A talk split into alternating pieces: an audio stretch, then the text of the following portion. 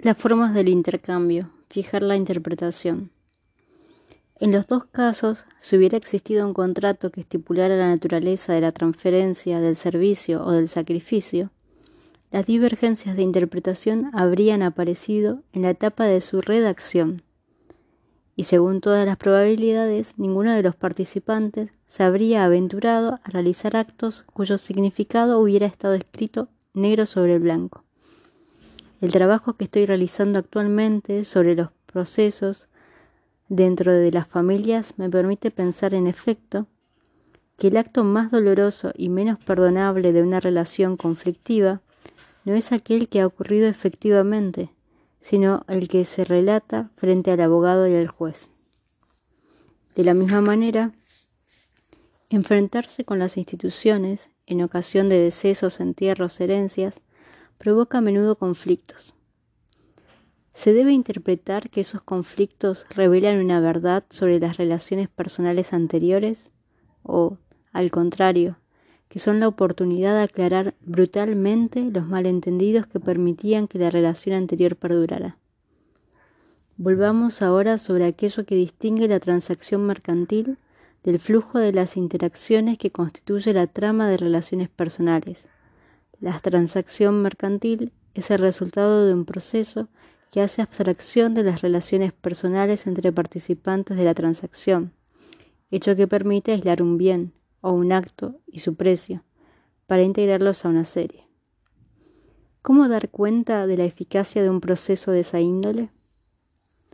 Es aquí donde intervienen las instituciones y las diferentes modalidades del rito en tanto técnicas de transformación de las relaciones sociales. La transacción mercantil se instituye como un verdadero paréntesis en la vida social habitual, desplazándose lejos de los lugares de encuentro cotidianos, encontrar, encontrarse en un espacio cerrado en presencia de especialistas, amoldar el contrato a formas preestablecidas y volverlo solemne. Son todas técnicas rituales que aseguran la ruptura entre el mundo de la transacción mercantil el mundo de las interacciones personales. Sin embargo, ¿es posible separar en todos los casos las relaciones personales del análisis de las transacciones? ¿En qué casos la historia de las relaciones entre los participantes juega un rol en el establecimiento o en el desenlace de la transacción? ¿En el establecimiento de la contrapartida monetaria, en la naturaleza del bien intercambiado?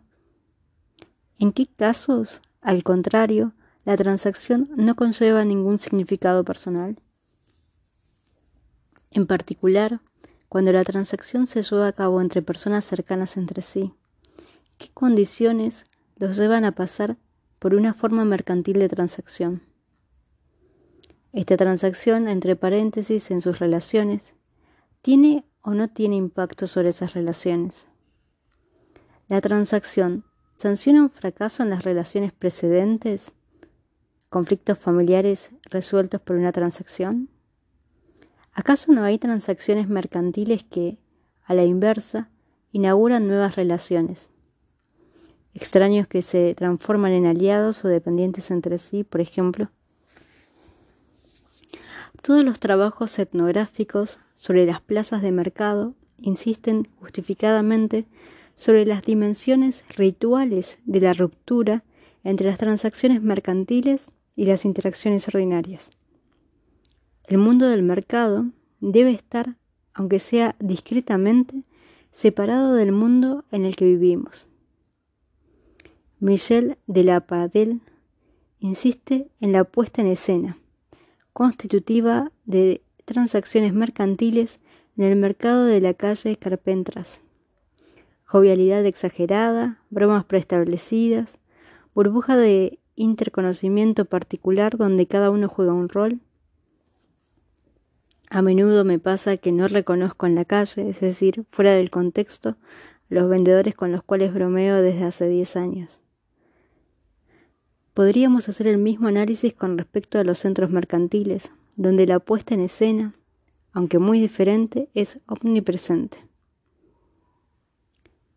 Ciardet muestra la importancia de las barreras rituales y de los códigos de reconocimiento que señalan una transacción mercantil entre profesionales, lugares y horas particulares que dan su lugar, que dan su nombre a la actividad.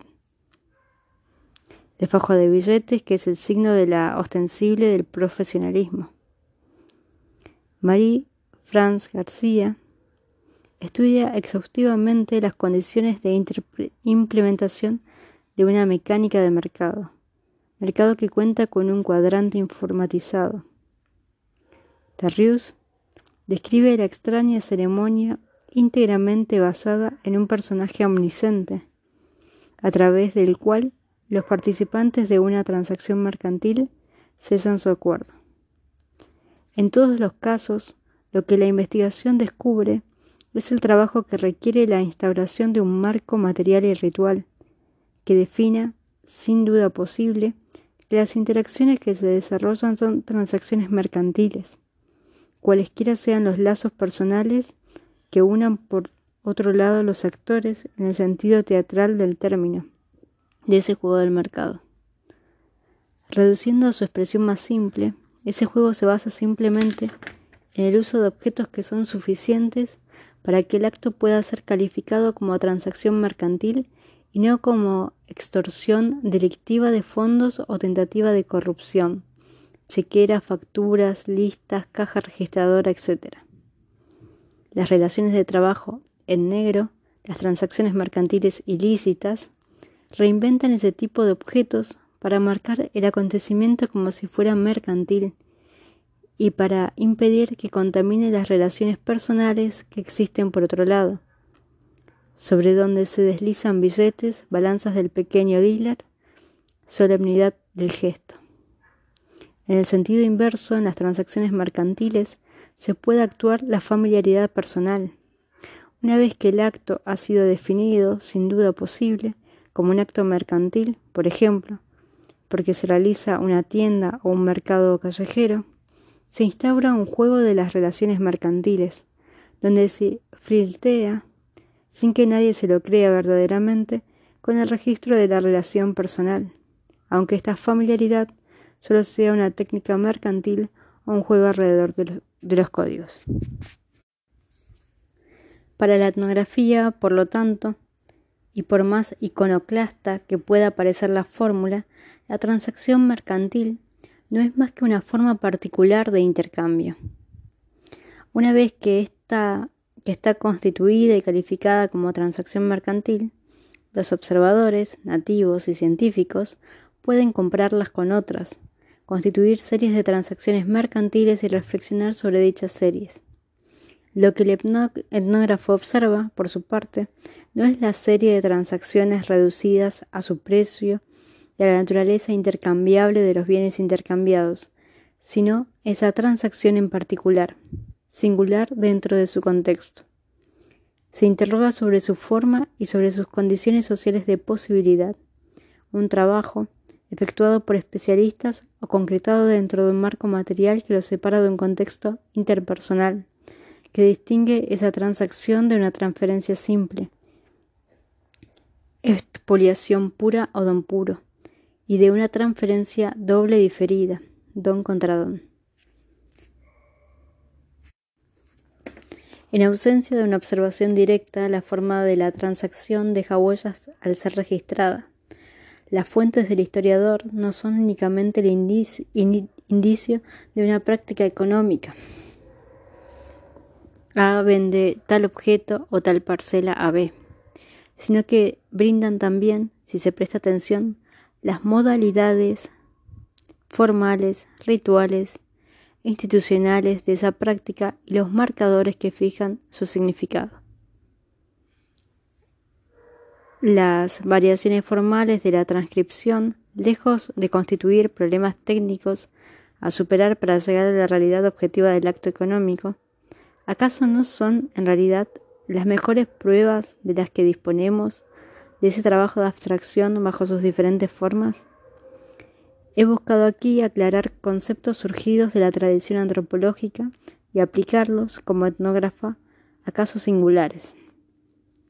Este intento de aislamiento conceptual solo tiene sentido dentro de la perspectiva de una cooperación, trabajando sobre los mismos datos empíricos entre la econometría y la etnografía. Una apuesta de esta índole sacude nuestras rutinas epistemológicas. No es casual que haya sido acogida por historiadores, trabajadores empíricos, epistemológicamente agnósticos. Según cuáles sean los objetos sobre los que se efectúen esas experiencias de cooperación, la articulación entre los dos tipos de herramientas será muy diferente. En el análisis de la economía doméstica, por ejemplo, el significado nativo de intercambios y prácticas que han sido muy poco separadas por adelantado de su contexto interpersonal es indispensable para poner una serie de manera permanente las secuencias de interacciones y para dar cuenta de la potencialidad destructiva de ciertos rituales impuestos por las instituciones y de las tácticas de la protección implementadas por los interesados. Por el contrario, en el análisis de las transacciones mercantiles, el economista trabaja sobre datos adaptados a la puesta en serie que efectúa, mientras que el etnógrafo estudiará, de manera privilegiada, además de las relaciones personales, que hacen que la transacción sea posible, las instituciones y los rituales de abstracción, oyendo aún más lejos las prácticas de recodificación personal de las interacciones.